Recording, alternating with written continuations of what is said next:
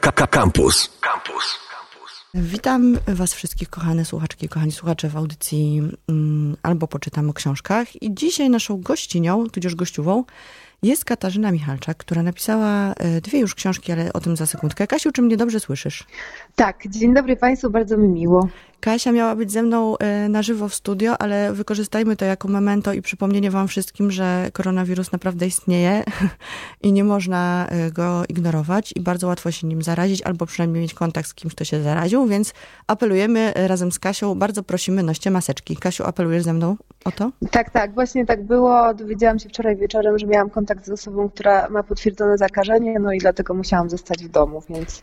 No ale na szczęście to. już żeśmy się przez rok tego koronawirusa dorobili takich e, umiejętności technicznych, że jesteśmy w stanie rozmawiać ze sobą tak czy siak. Kasia ze swojego domu, e, ja ze studia e, Radia Campus. I teraz tak, Katarzyna jest poetką i pisarką.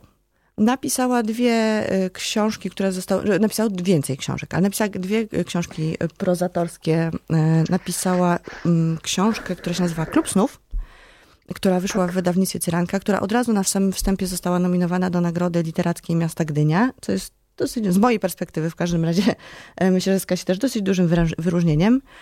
E, a teraz za sekundkę ukaże się jej drugi tom opowiadań, mm, który ma wspaniały tytuł w moim pojęciu. Męczyłam Konrada, wydawcę, e, pytając go, kto go wymyślił. On twierdzi, że to ty. E, tom się nazywa Mam na imię nie mam. I ja w ogóle jak zobaczyłam ten tytuł, to już wiedziałam, że muszę przeczytać tę książkę. Ale zacznijmy, Kasiu, od tego. Powiedz mi proszę bardzo, czy łatwiej jest być poetką, czy łatwiej jest być pisarką? Bo obie, oba te zajęcia nie kojarzą się z jakimś... Masą pieniędzy, y, prestiżu i nie wiem czego jeszcze w Polsce, ale oba kojarzą się bardzo ciepło, dobrze y, i z tak, takim stylem życia, który pozwala odetchnąć trochę od pędu. Czym ty hmm. wolisz? Kim ty wolisz hmm. być? No, ja myślę, że to w ogóle jest taka umowna trochę granica przeprowadzona pomiędzy tym, jak to się jest poetką, jak to się jest pisarką. Z jednej strony, bo obie te, oba te zajęcia dotyczą właśnie układania słów, powiedzmy tak e, przekornie. I jak mówisz o tym, że podoba Ci się tytuł mojej drugiej książki z opowiadaniami, no to ja się bardzo cieszę i myślę sobie, że to na pewno jest związane z tym, że ja też piszę wiersze i że zależy mi na tym, żeby e, tytuły, więc w tym też tytuły książek, które mam zaszczyt pisać, e, były jakieś takie no właśnie przyciągające uwagę, zatrzymujące, jakoś y, od razu wkręcające w jakiś świat, y, pobudzające wyobraźnię, więc no na tym mi zależało, kiedy wymyślałam ten tytuł. I muszę przyznać, że tak jak z Klubem Snów miałam najpierw tytuł, e, to w przypadku Mam na imię nie mam dojście do tego, jaki chcę mieć tytuł tej książki, e, sprawiło mi bardzo dużą trudność i naprawdę e, zastanawiałam się nad tym tytułem od samego od, już od momentu, kiedy zaczynała powstawać, powstawać koncepcja na książkę, mhm. a wymyśliłam go dopiero jak napisałam ostatnie przysłowiowe zdanie e, ostatniego opowiadania. E, I po prostu wtedy nawet wręcz zrobiłam sobie taki trochę coachingowy proces, że zastanawiałam się nad tym, co ja chcę tą książką powiedzieć, o czym ona jest, czego dotyczy, a jednocześnie też bardzo chciałam, żeby mm, tytuł książki nie był tak, jak często się robi, no i też no, ja to szanuję, ale ja sama nie chcę tak robić, przynajmniej w tym momencie. Nie chciałam, żeby tytuł książki był um, tytułem jednego z opowiadań i chciałam, żeby też um, to nie była żadna fraza e, z tekstu, tylko właśnie zupełnie osobny e, jakiś tekst, który jednocześnie tworzy e, taką osobną jakość i jednocześnie podsumowuje. No właśnie szukałam, szczerze powiedziawszy, czytając tego zdania, przyzwyczajona do tego, że mhm. zazwyczaj, jeżeli jest ten wspaniały tytuł, to on jest gdzieś w książce tak przemyślnie ukryty, bo to, że jest tytułem opowiadania, to jest takie faktycznie grube miniśmy szyte, ale czasami jest tak przyjemnie schowany i ja przez wszystkie opowiadania próbowałam znaleźć tą frazę, tę frazę, mam na imię, nie mam i nie znalazłam mhm. faktycznie. Teraz już wiem dlaczego. No, no. No właśnie zależało mi na tym, żeby podsumować to, że tam w tych opowiadaniach dużo się dzieje na temat szukania tożsamości i tego, co, co wynika z tego szukania, czy w ogóle jakąś tożsamość swoją da się odnaleźć na stałe, czy to nie jest jakaś mrzonka, e, a może właśnie nie, może się da, ale żeby właśnie on jakoś tak zadawał te pytania też od razu. No właśnie teraz przybliżmy e, czytelniczkom i czytelnikom o co chodzi. Więc tom opowiadań Mam na imię nie mam. Powtórzmy to jeszcze raz. E, Katarzyny Michalczak jest wydany przez wydawnictwo Cyranka. Ukaże się, czy będzie w księgarniach e, pewnie już od poniedziałku, wtorku.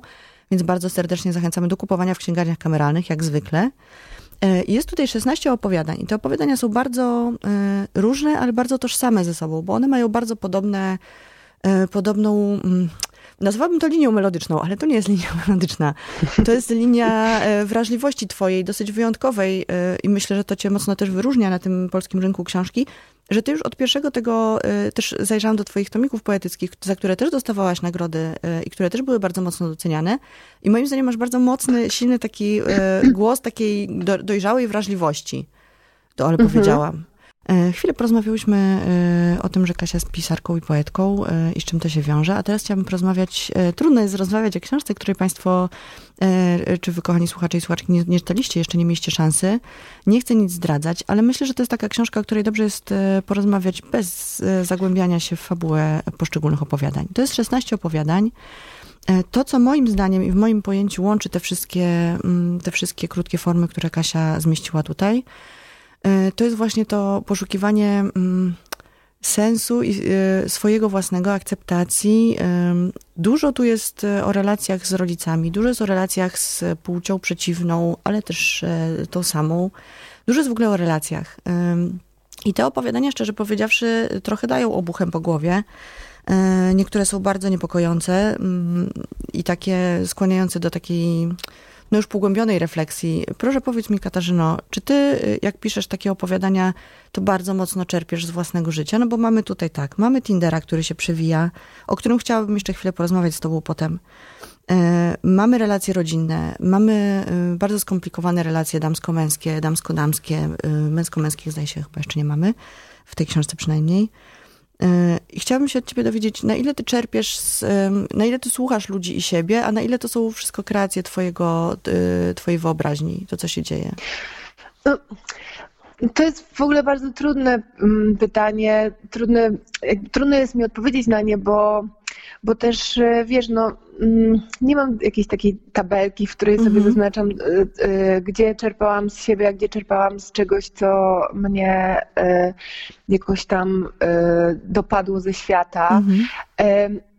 Na pewno rzeczywiście no, jestem wrażliwa i odbieram bardzo dużo właśnie bodźców z zewnątrz, obserwuję obserwuję ludzi, bardzo się przejmuję cudzymi historiami i też je jakoś tam inkorporuję w opowiadania. E, na pewno du dużo daję swoim bohaterkom e, i niektórym bohaterom z siebie, w takim sensie, że nawet jeżeli e, jakieś doświadczenia ich są inne niż moje, to rodzaj sposobu przeżywania tych doświadczeń i to, jak reagują na świat, jak próbują sobie z nim poradzić, e, no to rzeczywiście jakoś tam mamy wspólne. I, mm, no często jest też tak, że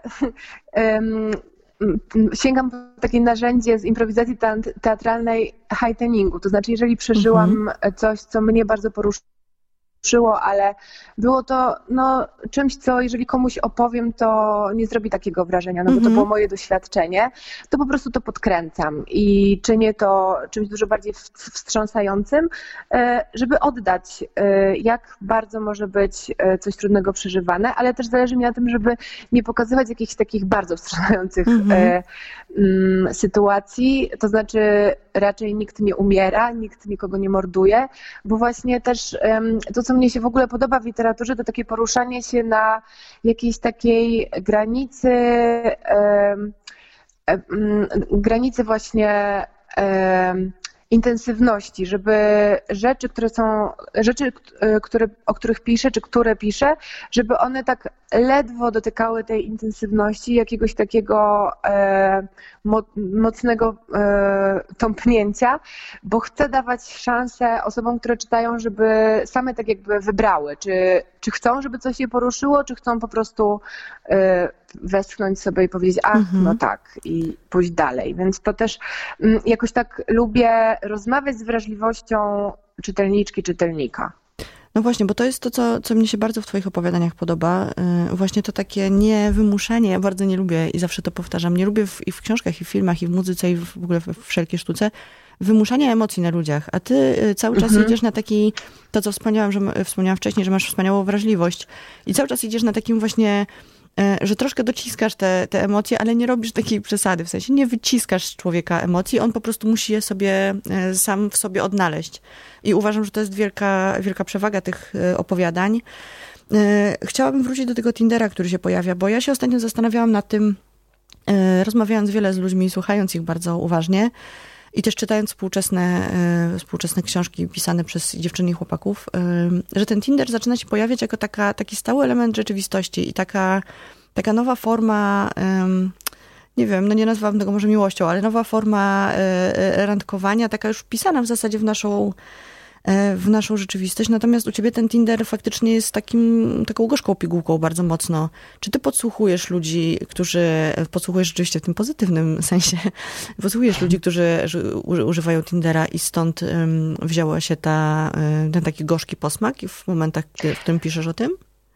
Tak, no ja mam takie poczucie, że Tinder jest e, po prostu istotnym elementem rzeczywistości już od jakiegoś czasu, po prostu jednym z tych elementów, a jest um, o tyle wdzięczny do e, pisania w literaturze, że tak e, bardzo fajnie, jak na tacy, pokazuje i właśnie jak trudne przeżycia mogą się wiązać e, z próbami nawiązania kontaktu. Nawet nie chodzi mi o relacje, tylko w ogóle kontaktu, mhm. czy to z płcią przeciwną, czy tą samą, czy jak tam sobie osoba preferuje. W każdym razie, no ja znam bardzo dużo historii tinderowych i też często sporo jakichś takich moich rozmów na temat tego, jak wygląda dzisiaj e, próby nawiązywania czy to relacji, czy nawet znalezienia osoby na seks, kręci się wokół tego Tindera, no bo mhm. on jest narzędziem, które e, po prostu, z którego no, dużo osób korzysta, przynajmniej z jakiejś mojej bańki. Mhm. I, e, I myślę, no, że właśnie że to w ogóle tak naprawdę Tinder jest bardzo fascynującym zjawiskiem, no bo po prostu to, czego e, do, do tego, żeby znaleźć jakąś osobę, z którą chce się być blisko w jakikolwiek sposób, czy fizyczny, czy psychiczny, e, używa się obecnie e, narzędzia, e, które mm, no jest dosyć oddalone od idei bliskości. Mm, no i to jest taki, takie niezłe zestawienie, więc, więc ciekawe jest to jakoś analizować i opisywać. Mm, ale z drugiej strony no też mamy, mamy roczne, rocznicę pandemii panującej nam niełaskawie w, na, na, świecie i myślę, że ten Tinder przez to, przez to że, że tak naprawdę nie możemy wyjść do baru, nie wiem, do kina y, albo bardzo rzadko tak. y, i spotkać drugiej osoby, stał się w zasadzie jedną z niewielu platform, na których możemy, jeżeli jesteśmy samotni, poznać jakąś y, nową osobę. I wydaje mi się to dosyć ciekawe. Czekam tak naprawdę na, na taką falę tych, że tak powiem, tinderowych opowieści w, w literaturze. Myślę, że ona nadejdzie i myślę, że to będzie bardzo ciekawe zjawisko do analizowania. Rozmawiałam, muszę się przyznać, przed, przed rozmową z tobą z Dorotą Kotas, autorką, która też wyda w Cyrance niedługo swoją książkę, która napisała na książce twojej Blerba słowo, którego tak. nie cierpię i zjawisko, którego bardzo nie szanuję. Mm, natomiast faktycznie e, rzadko się zdarza, żeby te blerby były dobre i coś wnoszące, a ten jest na tyle dobry, że pozwolisz, że go przeczytam szybko na antenie jako punkt odniesienia. E, Dorota napisała tak. Zanim przeczytałam tę książkę, myślałam sobie, że ludzie są tak dziwni, że po prostu nie da się ich zrozumieć.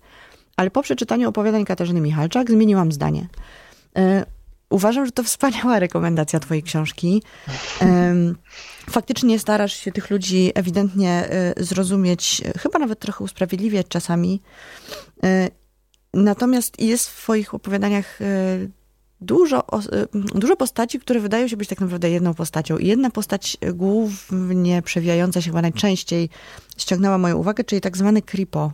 Mhm. Czy ty możesz mi powiedzieć, kim jest Kripo i, i czytelnikom, i czytelniczkom? Dlatego, że myślę, że to jest taka postać, która może w jakiś sposób, jak w soczewce, skupić to, co się dzieje u ciebie w książce.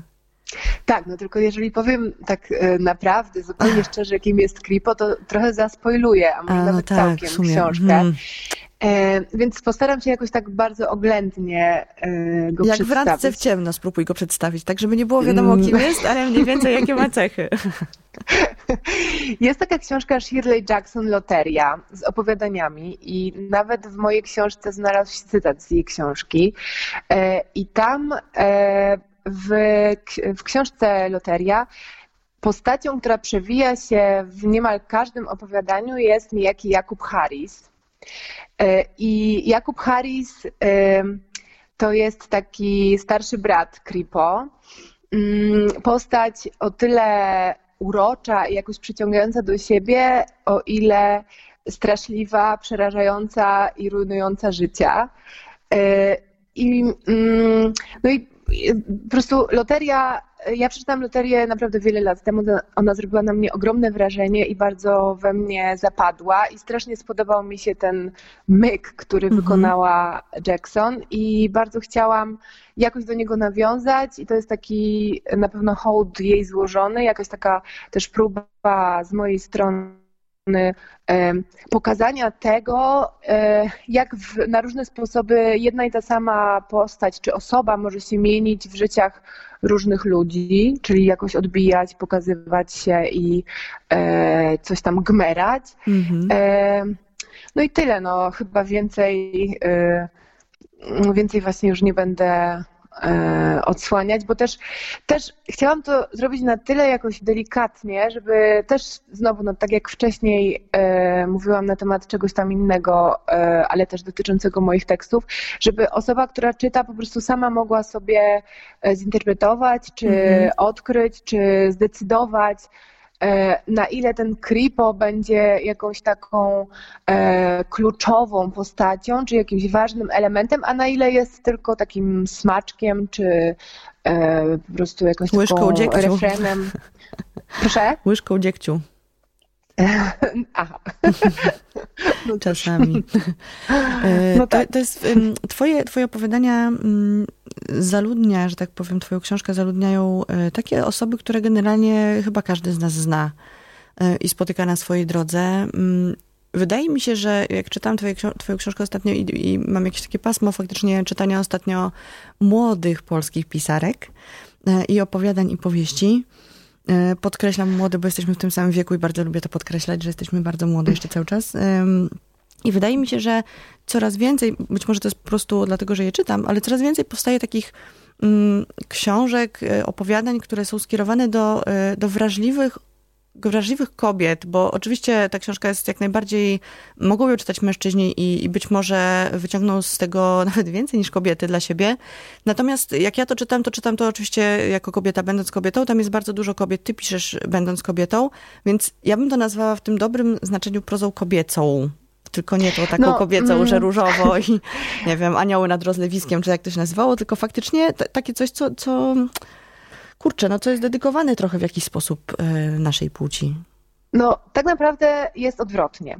To znaczy, e, na pewno nie pisałam e, tej książki z myślą o kobietach jako czytelniczkach, mm -hmm. ale za to pisałam ją chcąc, tak jak zresztą w klubie snów, dać głos kobietom -hmm. i kobiecym postaciom, bo e, w literaturze, co jest no, bardzo ostatnio dosyć często powtarzane, ale myślę, że nigdy nie zaszkodzi powtórzyć jeszcze raz. Jest bardzo mało postaci kobiecych, tak no, procentowo. Mhm. I mimo, że e, to się zmienia powoli, to nadal ta dysproporcja jest ogromna i e, zawsze ten uniwersalny podmiot to będzie nam się kojarzył jednak z postacią męską.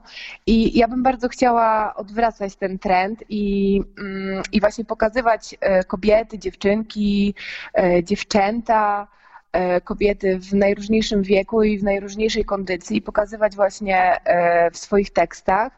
A to, e, kto to przeczyta, no to jest inna kwestia mhm. i na pewno nie chciałabym mm, tak definiować swoich książek, że one są skierowane do kobiet. One są skierowane do osób, które jakoś interesuje doświadczenie kobiecości, ale bardziej kulturowo niż tak biologicznie mhm. E, i mogą to być zarówno te osoby, które się identyfikują z kobiecością, jak i te, które się właśnie na przykład są rozpoznawane jako kobiety, ale się z tym zupełnie pod tym nie podpisują. Tak samo mężczyźni, którzy po prostu chcą są zainteresowani. Kobiety. Właśnie nawet nie, nie, nie chodzi o to, że chcą zrozumieć kobiety, chcą zrozumieć relacje i to, jakie te relacje potrafią być pokopane, a to, jaka jest płeć y, akurat osób, które czytają, no nie ma większego znaczenia y, dla mnie. Y, sama taka płeć, czy to biologiczna, czy nawet mhm. genderowa. Natomiast na pewno chcę pokazać ten kawałek świata, który się wiąże z tym doświadczeniem kobiecości. Teraz chciałabym jeszcze wrócić do takiej, mm, takiego chyba przewodniego motywu Twoich opowiadań. Przypomnijmy, 16 opowiadań pisanych przez kobietę, ale nie tylko dla kobiet to, co się przewija w, we wszystkich tych opowiadaniach, to jest takie pytanie o to, czy, czy szukanie na siłę swojej tożsamości w takim, no nie najlepszym jakby chyba rozumieniu tego, w sensie szukanie takiego, takiej łatki, którą możemy sobie przypiąć, y, czy jest sensowne y, i czy nas uszczęśliwia w jakikolwiek sposób? Czy ty y, miałaś jakiś pomysł, jaki ma być motyw przewodni, pisząc te opowiadania? Miałaś jakąś taką jedną myśl, która cię ciągnęła? Bo to, że ja to wyczytałam, to oczywiście jest moja sprawa, nie twoja. E, to się wiąże z Twoim pytaniem na samym początku, czy ja się czuję poetką czy pisarką mm -hmm. i też właśnie e, miałam takie trochę poczucie winy, że nie odpowiedziałam do końca zgodnie z prawdą, bo tak naprawdę właśnie jeśli chodzi o sytuacje praktyczne, to bycie poetką i bycie pisarką się bardzo różnią, bo mm -hmm. ja mhm. kiedy piszę wiersze, to nie mogę pisać opowiadań, nie jestem w stanie i odwrotnie, ale właśnie jeśli chodzi o tożsamość, to szukanie e, jakiegoś takiego takiego e, punktu zaczepienia, że ja oto jestem poetką albo ja oto jestem pisarką, myślę, że tak naprawdę może e, znosić przynajmniej mnie na manowce. Mhm. E, w takim sensie, że mm, trzymanie się tej tożsamości, jaką sobie obiorę, jest może być ograniczające i może mhm.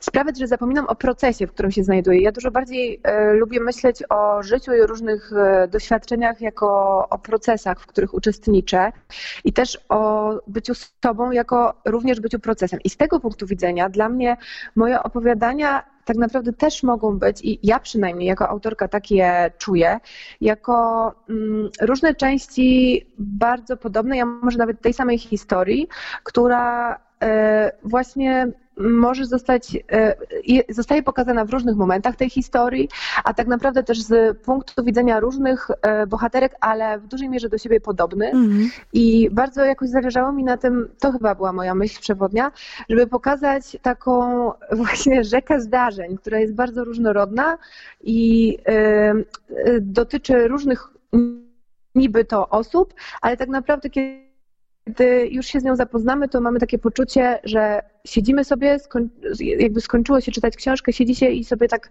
myśli człowiek, że kurczę, to było w sumie w kółko jedno i to samo i tylko, że na różne sposoby I, i to jest coś, co chciałam osiągnąć. Nie wiem, czy mi się udało, ale no, jeśli pytasz o jakąś myśl mm -hmm. przewodnią, jakiś taki cel, to, to na pewno to był jeden z nich. I też mam wrażenie, że jak już skończymy czytać, to potem jednak ta, ta karuzela, w którą nas wkręcasz tymi opowiadaniami, ona się dalej toczy, bo też człowiek zaczyna zupełnie inaczej, przynajmniej ja tak miałam patrzeć na swoje życie i zadawać sobie pytania, y, czy przypadkiem nie popełniam takich błędów, jak te postaci, które u ciebie tam się przewijają, czy nie mam takiego myślenia, czy nie nakładam na siebie jakichś takich ograniczeń i tak dalej, więc y, jeżeli to, to był twój y, cel, to się udało. Przynajmniej w przypadku mojego wrażliwego serca. Zobaczymy, jak będzie z czytelniczkami, czytelnikami, którzy będą no to... mieli szansę przeczytać twoją książkę w w najbliższym czasie? No to jest dla mnie bardzo, naprawdę bardzo wartościowa wiedza teraz, czego się dowiaduję od Ciebie, że takie miałaś wrażenia, bo to naprawdę super dla mnie jako autorki. E, no i też właśnie muszę podkreślić, że to jest coś, co ja w ogóle e, cenię w literaturze. E, mam poczucie, że coś takiego robi moja absolutna guru, w ogóle niedościgniony wzór i w ogóle pisarka, którą ja naprawdę wielbię, a mianowicie Alice Munro. Mhm. I no ona właśnie, ona jest dla mnie taką pisarką, która pozornie e, można myśleć, że pisze rzeczy banalne i jakieś takie dosyć oczywiste, ale kiedy się wejdzie w ten nurt jej e, tekstów i, e, i przeczyta się jedną książkę, drugą, trzecią, to, to po prostu czuć, że mm, to jest taki taniec życia, który ona mm -hmm. pokazuje i jest to no, naprawdę coś bardzo wyjątkowego. A też y, coś podobnego, ale właśnie na zupełnie inny sposób i taki bardzo swój własny e, robi Krystyna Todd. To jest taka e, pisarka węgierska. Mhm. Mm, I, e, Która leży na mojej są... kupce wstydu od dwóch miesięcy, ale już teraz jest na samej górze, więc zaraz będę czytać. Tak, o bardzo, bardzo ją polecam Mhm. i właśnie ona, em, no jakoś ja się bardzo identyfikuję z jej wrażliwością i ona też pisze opowiadania. Ja przynajmniej mm, miałam możliwość przeczytać tylko jej książki z opowiadaniami, bo jej Mhm. powieść nie została przetłumaczona niestety na polski, a nie tym. znam na tyle węgierskiego, żeby móc czytać w oryginale. E, No i właśnie ona po prostu tworzy taki świat, który e, zaludniają różne bohaterki, ale one też się właśnie zlewają w jedną taką nadrzędną postać jakby. Mhm. Dobrze, dobrze. To jest w ogóle coś, co mnie bardzo zachęca do prze, przeczytania Krystyny Todd. To jest kod kreskowy, prawda? Tak się nazywa ten, ta tak, książka? a druga jej książka to jest Pixel i e, linię kodu kreskowego to Linię jest kodu pierwsza, druga kreskowego, to jest przepraszam, oczywiście. Pixel. I ja nawet chyba wolę Pixel, Mhm. ale E, polecam obie. Jak zwykle lista y, lektur i polecajek będzie dostępna na stronie i wpisana w podcast w, na Spotify'u. Bardzo Ci, Kasiu, dziękuję za tą rozmowę. Jak zwykle za krótką. Chyba musimy porozmawiać z Kasią Rodek o tym, żeby przedłużyć audycję, bo ja się nigdy nie mogę nagadać z Wami.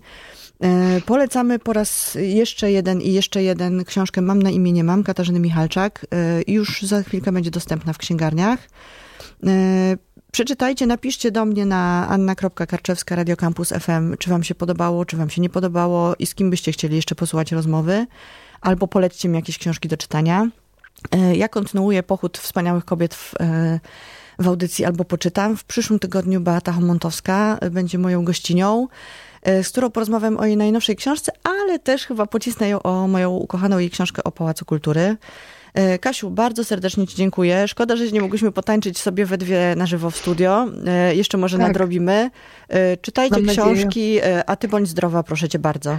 Dzięki, ja też bardzo dziękuję i życzę zdrowia wszystkim. Do zobaczenia, do usłyszenia za tydzień. Dzięki. Słuchaj Radio Campus, gdziekolwiek jesteś. Wejdź na www.radiocampus.fm.